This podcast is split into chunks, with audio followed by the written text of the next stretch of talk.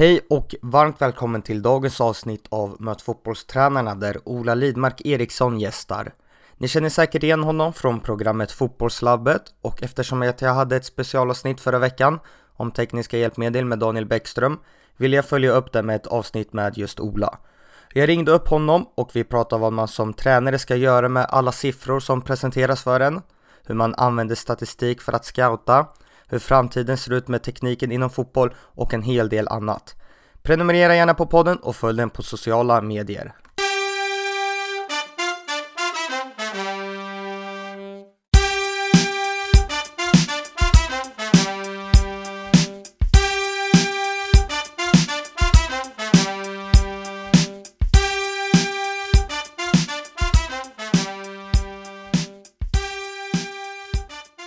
Hej och eh, varmt välkommen till Möt fotbollstränarna säger jag till Ola Lidmark Eriksson. Tack så mycket. Kul att ha dig med. Jättekul att få vara med. Hur är läget med dig då? Ja, men det är bra. Vi är lite kylslaget Östersund, men det är ändå bra tycker jag. Ja, precis. Hur, hur varmt har ni det? Eller kallt? Ja, det, är nog, det är lite minus faktiskt idag. Men det är soligt i alla fall, så det är bra. Vi kör ett litet specialavsnitt idag om statistik och eh, vi kommer in lite mer på vad du jobbar med lite sådär senare. Men jag tänkte att vi kör en liten reviderad faktaruta idag. Mm. Ålder? 38. Familj? Sambo. Bor? Jag bor i Östersund. Favoritlag? Eh, jag säger väl Sampdoria då i det här forumet. Hur kommer det sig att du har dem som favoritlag? Eh, men alltså de var ju, när jag var liten så var ju de väldigt bra.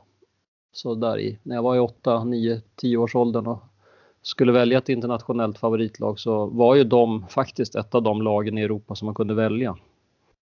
Precis som man väljer Barcelona eller Juventus eller Liverpool idag så var ju faktiskt Sampdoria en av Europas bästa klubbar då. Hur tätt följer du dem idag? Eh, väldigt noga. Jag försöker se alla matcher eh, när jag inte måste se någon annan match på grund av jobb. Så, så i den här säsongen har det hittills blivit lite dåligt. Men förra säsongen såg jag väldigt mycket. Och ambitionen är väl att göra det i, i år också när jag väl, kanske när allsvenskan har slutat, att jag får lite mer tid till det. Favoritsyssla utanför fotbollen? Eh, oj. Eh, ja, jag springer mycket. Löpning. Hur långt springer du då? Eller intervaller eller hur brukar du träna? Eh, nej, men jag, jag är gammal maratonlöpare så jag springer mycket längre sträckor.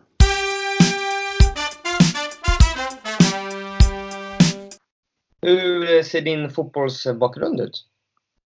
Eh, I det här sammanhanget så är det väl obefintligt skulle jag säga om man jämför med andra som du har med i din podd. Så det är nog inget att prata om. Inget alls, men du har spelat Nej. själv och sådär? Ja, ja absolut. Men, Hur länge äh, spelar du till? Oj, tills de inte ville ha mig längre. Men de ville ju aldrig ha mig så äh, jag kommer faktiskt inte riktigt ihåg, men jag var nog i 15 års ålder när jag la av. Och då tappade du fotbollsglöden helt eller? Ja, den hade nog blivit äh, dödad redan när jag var liten, 8-9 sådär så fick jag nog lära mig att jag inte skulle bli fotbollsspelare. Så, men eh, sen dess så höll jag väl på för att jag tyckte att fotboll var väldigt roligt. Men eh, man fick kämpa. Hur kom det sig då att eh, ni grundade Playmaker som du jobbar med idag? Och hur kom tanken upp att göra det här? Eh, men alltså, det började ju, det är nog, det kanske är fem år sedan nu, det är det nog.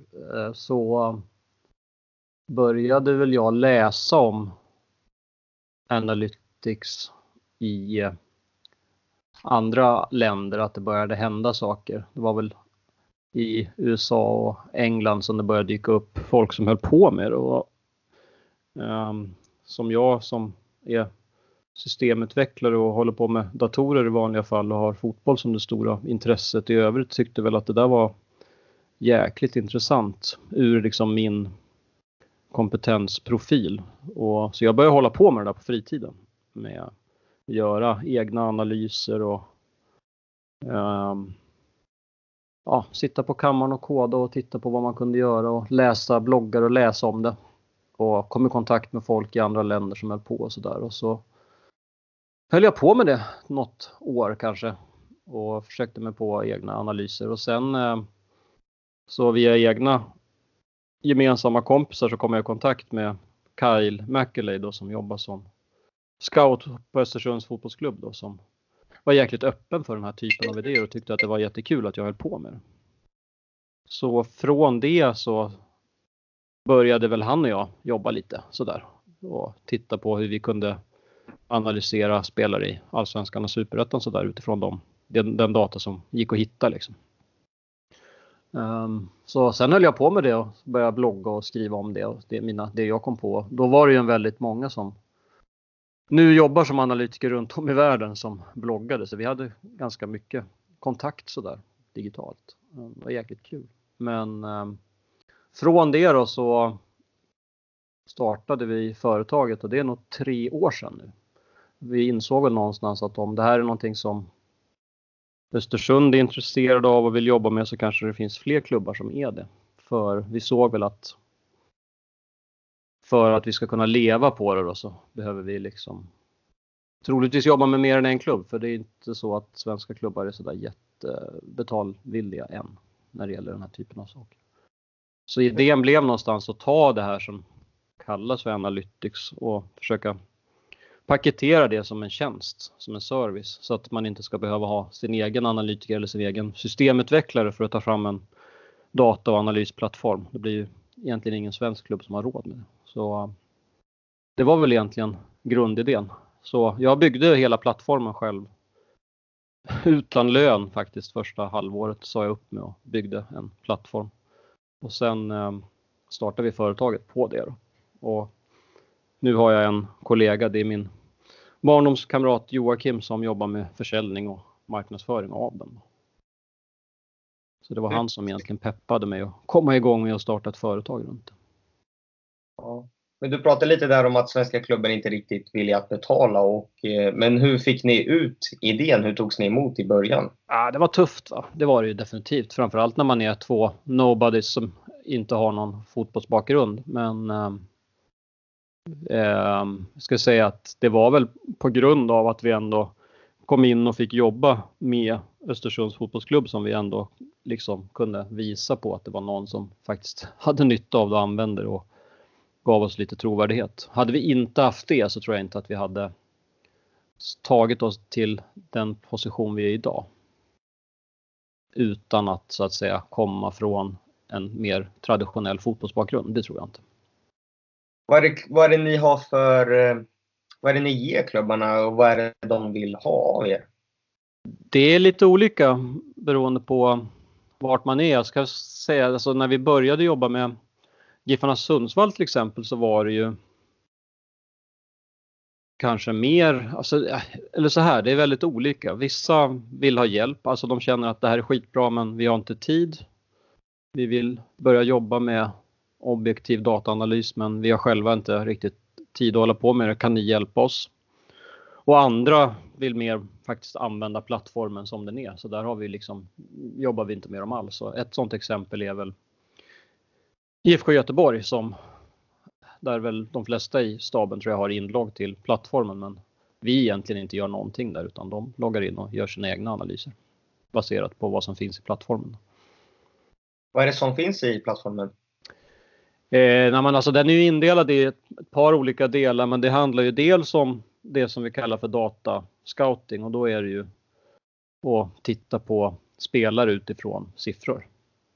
Och sen har vi då en del som handlar om att analysera lagets prestation och då handlar det väldigt mycket om att titta på trender och tendenser över tid. Och nu har vi också börjat titta på en ny modul kan vi väl säga som handlar om fasta situationer. Och och eh, då är det ju både den enklaste och liksom lägst hängande frukten i fasta situationer. Trädet skulle väl vara eh, straffar såklart och nu gör vi plottar över var alla straffläggare i allsvenskan har lagt sina historiska straffar. Ehm, och lite nytta tror jag nog att det ger. Framförallt så sparar det väl lite tid att man inte behöver gå in i Y-scout eller Instat och titta på varje straff utan att man faktiskt kan använda våran plattform och få den där plotten på 10 sekunder. Så i vissa fall så tror jag att det mycket bara handlar om att spara lite tid. Det finns ju oändligt med siffror och plattformar att ta del av statistik, men vad ska man göra med alla siffror som presenteras för en? Eh, ja, men jag tycker ändå att straffar är ett ganska bra exempel på vad man kan göra med siffrorna såklart. Men eh, sen tycker jag också att just scoutingen är en del där jag tror att man skulle kunna våga lita till den träffsäkerhet som åtminstone vi kan bevisa nu över tid. Eh, mycket mer än vad man gör idag. Jag skulle säga att det är ett väldigt kostnadseffektivt sätt att scouta på när man har mindre resurser. Men det är ju ingen svensk klubb som har mer än möjligen en scout och det går ju liksom inte att hålla koll på hela världen då. Men om vi har en plattform som kan erbjuda en träffsäkerhet på säg 70-80% på ett land som man annars inte har någon koll på alls så tillför det någonting i en scoutingprocess. Um, var det svar på frågan eller avvek jag? Nej, men eh, jag tänker lite hur använder man statistiken för att just ja. scouta? Vad är det för siffror man kollar på och så vidare?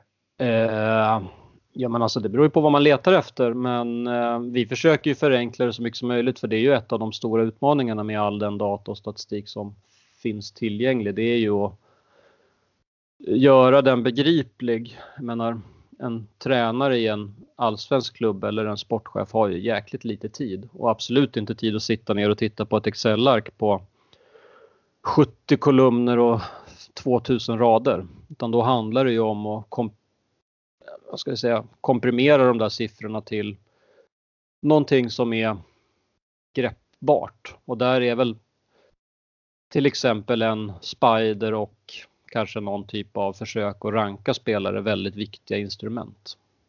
Så jag skulle säga att det vi framförallt tillför är ju ett lager av visualisering och kontextualisering av siffrorna. För de som inte har koll, vad är en spider? Ja, men en spider är ju egentligen ett sätt att visualisera data och det handlar ju om att ta data och viktiga KPI kan det vara i det här fallet som det kan ju vara antalet passningar en spelare gör in i straffområdet per match och sen sätta det i relation till de bästa i sin liga, de sämsta i ligan, snittet i ligan och sen göra det med ett antal viktiga KPI för en viss position till exempel. Då får du det i en bild. Och efter ett tag när du har sett några sådana här bilder så kommer du börja förstå att ja, det här är en spelare som är bra på det, det här är en spelare som är bra på det. Och eh, även förstå hur det förhåller sig till snittet i ligan. Då.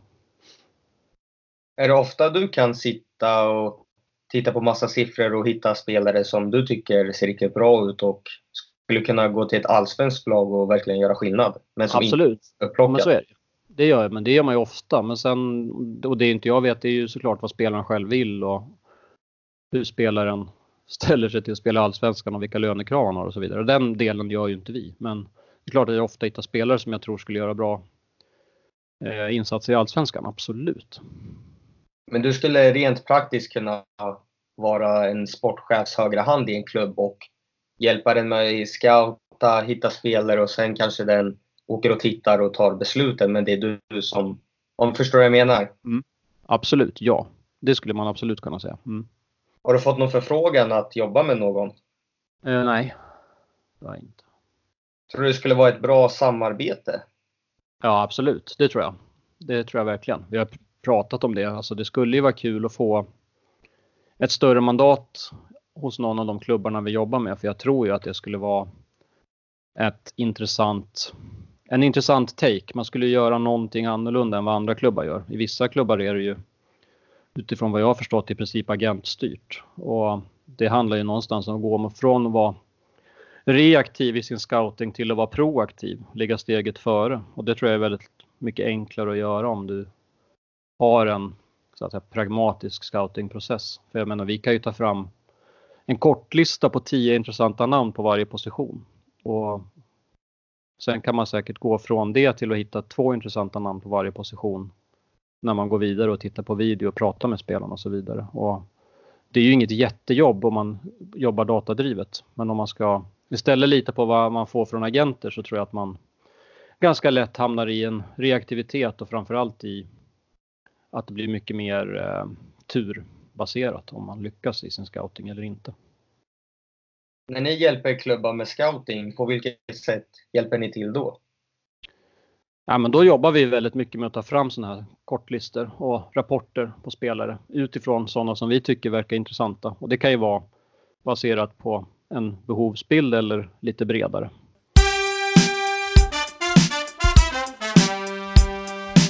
Vilka siffror tycker du är intresse för tränare att bedöma en lags prestation?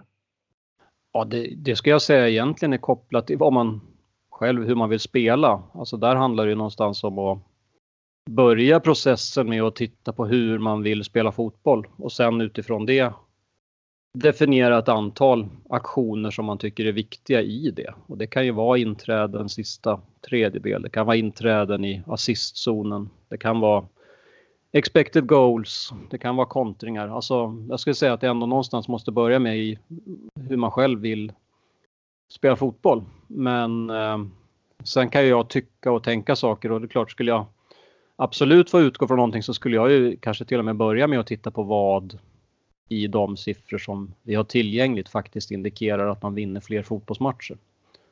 Förstår du hur jag tänker? Ja, men när alltså, det... Ja, fortsätt. Nej, men det kan ju vara det kan ju vara bollinnehav är en sån där som diskuteras mycket. Är det bra eller dåligt? Men det går ju att leda i bevis och det har jag gjort i fotbollslabbet någon gång sådär. Alltså ändå verkligen argumentera för att ett högt bollinnehav ändå generellt leder till att man vinner fler fotbollsmatcher. Och då skulle man ju kunna börja i en sån ganska enkel definition. Alltså att vi vill ha mer än 55% bollinnehav i matchen. Och sen kan man ju ytterligare bryta ner det till delar av planen eller inträden eller vad det nu må vara. Men jag skulle nästan vilja börja i en sån nästan filosofisk tanke kring vad gör att man vinner fotbollsmatcher generellt och så utifrån det utveckla ett spelsätt. Om man fick börja så tidigt. Liksom. När det just sändningar så visas ju oftast bollinnehav, skott, hörnor och så vidare. Hur ser mm. du på de mätverktygen? Eh, Ja, alltså. Jag vet inte om jag tycker att de är jätteintressanta ur ett tränarperspektiv. Det tror jag inte. Men bollinnehavet är såklart någonting som säger en del om en match. Det gör det. Det har ju pratats mycket om expected goals och sådär. Men vem var det som skapade det? Det är en bra fråga. Jag tror att det råder lite delade meningar om det där. Jag eh, kan inte den bakgrunden helt, men jag vet att det, har, det är väl tidigt 2000-tal i USA när de började skrivas lite om det där i mer akademiska sammanhang. Och sen tror jag faktiskt att det i första hand var hockeyn som började lite mer sådär generellt använda termen i eh, analys. Och sen från hockeyn har det väl gått över till fotbollen på egentligen 2010-talet. Men jag vågar inte nämna något namn så. Då tror jag att man nämner man någon så är det någon annan som känner sig glömd. Finns Men som sagt, det är lite akadem det är en akademisk produkt från början. Okej, okay, ja. Men finns det fler likt expected goals som säger ganska mycket om ett lags prestationer över tid? Uh, ja, alltså återigen, det beror ju på vad man uh, vill hitta i sitt spel som man tycker är nycklar. Men om man ska titta på samband mellan att vinna matcher och en KPI så är ju såklart expected goals ligger ju väldigt nära till hands. Men det finns ju samband mellan antalet passningar och vinna matcher eller antalet inträden sista tredjedelen och vinna matcher också. Men eh, ja, det är nästan en sådär filosofisk fråga. Vilka mer eh, för intressanta mätverktyg tycker du? Är det just efter ett, hur ett lag spelar som PPDA och så vidare? Ja, absolut. Så är det ju. Men eh, sen är ju fotbollen liksom, alltså om man ska börja titta taktiskt så blir det ju väldigt komplext. Börja prata siffror. Det är ju eh, 11-22 spelare till och med som liksom varje aktion påverkar de andra i någon slags kedjereaktioner och så vidare. Så det är ju inte helt lätt att bara försöka modellera det där och säga att man kan hitta alla svar i siffrorna utan jag skulle snarare att det, säga att det handlar om att koppla det till det spelsätt som man ändå har valt och, vilja ha liksom. och sen titta över tid. För det är väldigt mycket i siffrorna också som blir ganska binära. Mål är ju en sån sak, straffar är en annan. Man kan få åtta straffar en säsong så kan du få två straffar mer än nästa säsong. Då blir det ju väldigt svårt att dra några egentliga slutsatser ur det på liksom kort tid ur ett statistiskt perspektiv. Så ofta behöver du ha det långa perspektivet för att kunna dra riktigt bra slutsatser. Om du inte har saker som händer mycket, mycket oftare, som till exempel inträden eller passningar för den delen. Men eh, jag tror att man behöver titta på sådana aktioner som går att mäta med högre frekvens och använda sig av dem. Och jag tycker ju inträden i assistzoner till exempel är intressant ur ett sådant perspektiv om du ska börja mäta hur ofta du kommer till farliga lägen i en match. Man brukar ju ofta prata om att expected goals också kanske är lite binärt i det perspektivet att det ibland man ibland missar så att säga nästan lägen och så vidare.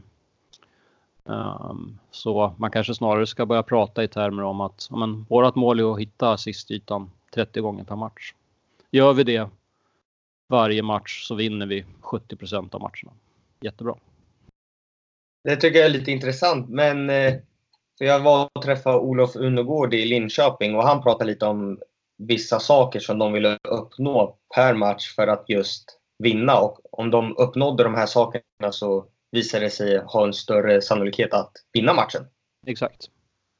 Precis så är det ju. Och det kan du ju ta ut ur våran plattform. Alltså om du bestämmer dig för en eller två sådana här KPI så kan man ju bara i våran plattform direkt få ut rapporter på i grafform eller i Excel-form hur det här ser ut över tid. Och då kan du ju ge den återkopplingen till spelarna och så vidare. Men jag ska säga att fördelen med att jobba med våran dataplattform ur det perspektivet och det är ju lite det som är idén med våran plattform. Det är ju att man inte ska behöva bygga det här själv eller vara utvecklare eller vara ha svart bälte i Excel utan att man ska få hjälp med det här och få ut det väldigt snabbt och enkelt.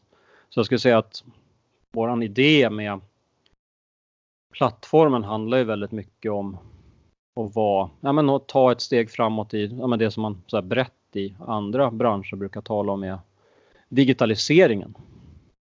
För de som inte har råd med dyra program eller kan filma sina matcher, kanske tränar ett ungdomslag. Vilka saker tycker du man kan räkna själv på och utvärdera sina matcher som inte är alltför tidskrävande men som är ganska simpelt att räkna på själv? Ja, men alltså vi har ju byggt en, en del i våran plattform för det. Och vi har ju till exempel jobbat med Djurgårdens akademilag som faktiskt själva då samlar in datan. Och det man får i våran plattform om man jobbar med det och samlar in datan själv när man taggar, det är ju att du får ju expected goals till exempel uträknat åt dig. Och då kan du använda använda det över tid för att mäta ditt lags prestationer. Och de gör ju det. Och de tittar ju på att börja tagga fler sådana här nyckelaktioner, sånt som de vill uppnå. Då kan man ju också använda ett sånt här verktyg för att även tagga upp dem. Och där har ju våran idé också varit då att vara jäkligt billiga just för att alla ska ha råd. Mm. Men då kan du ju säkert till exempel börja tagga just inträden. Det är väldigt enkelt. kan du dra en pil i verktyget och göra det. Då kommer du kunna mäta även det över tid. Om man inte ens har Spedio eller något sånt då?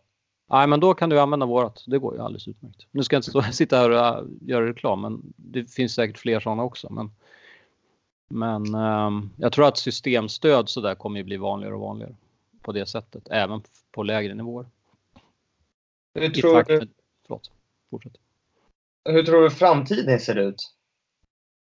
Uh, men alltså jag tror att vi jag tror att vi är inne i någon slags um, läge. Vi pratar ju om adaptering av teknik och jag tror fortfarande att vi i viss mån pratar, alltså har en, en, en viss hype kring det här med expected goals och siffror i allmänhet och att det kanske behöver sätta sig lite och att man hittar det som faktiskt gör nytta och det som inte gör nytta. För jag tror inte att allt som vi tar fram riktigt gör nytta heller. Så um, man brukar prata om så här Gartners hype-kurva när det gäller ny teknik och först kommer en initial hype, sen lägger sig den så stiger intresset igen och då har man hittat de där verkliga tillämpningsområdena.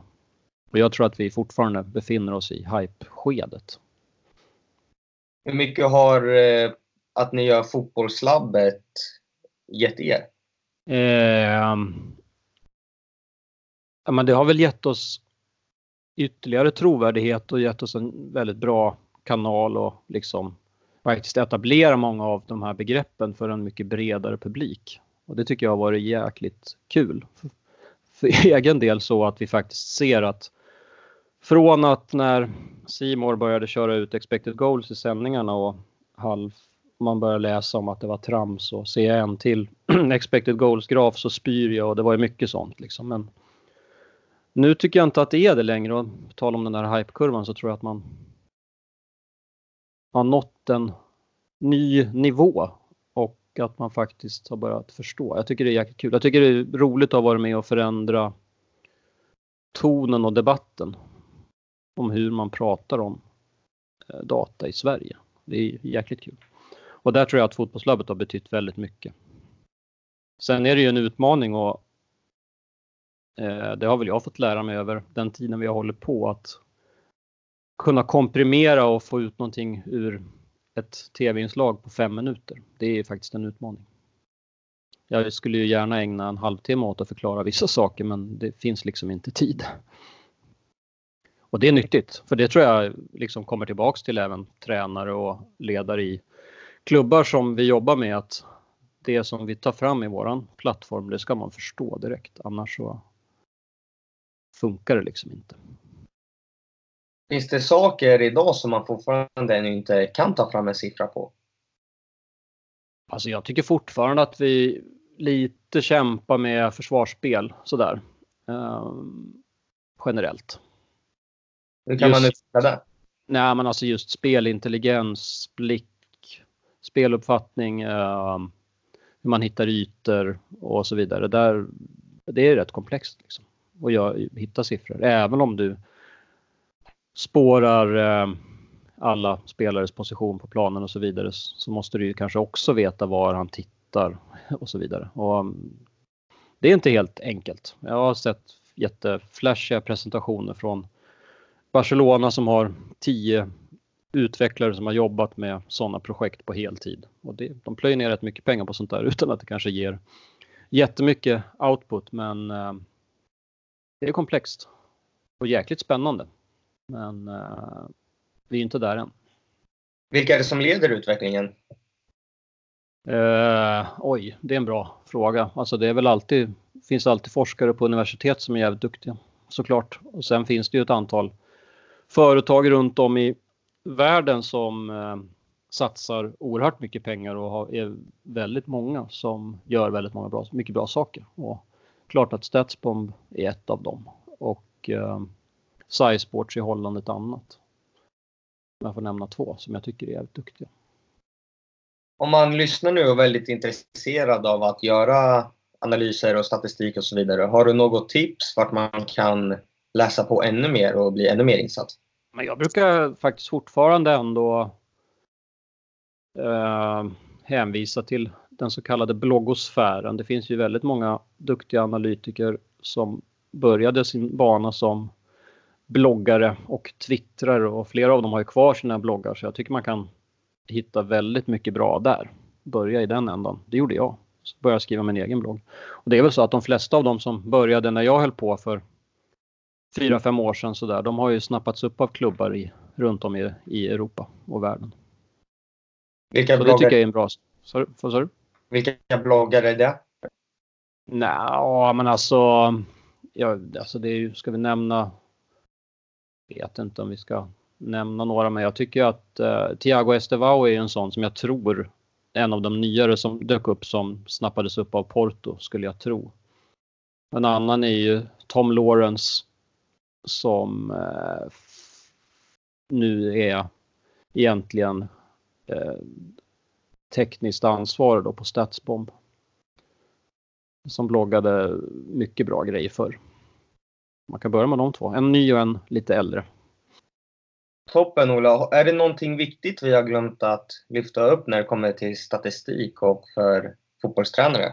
Eh, jag tror inte det. Jag tyckte nog att det vart ungefär vad jag tänker att jag tror att vi kan tillföra, om man ska säga så. Då. Om man vill komma i kontakt med dig, hur gör man det? Twitter är väl ett bra eh, medium för det. Där hänger jag mycket. Fantomen. Perfekt. Vilken tränare skulle du vilja lyssna på i min podd här? Och det var en bra fråga. Alltså jag skulle gärna höra Linda Breding i Göteborg, om du inte har haft henne. Nej, jag har inte haft henne tyvärr. Nej, för det skulle vara kul. För hon, hon eh, jobbar vi ju med och eh, tycker att hon verkar jätteduktig. Perfekt. Tack så mycket Ola att du tog dig tid och ja, tack hoppas du får en fin vinter i Östersund. Ja, tack så mycket.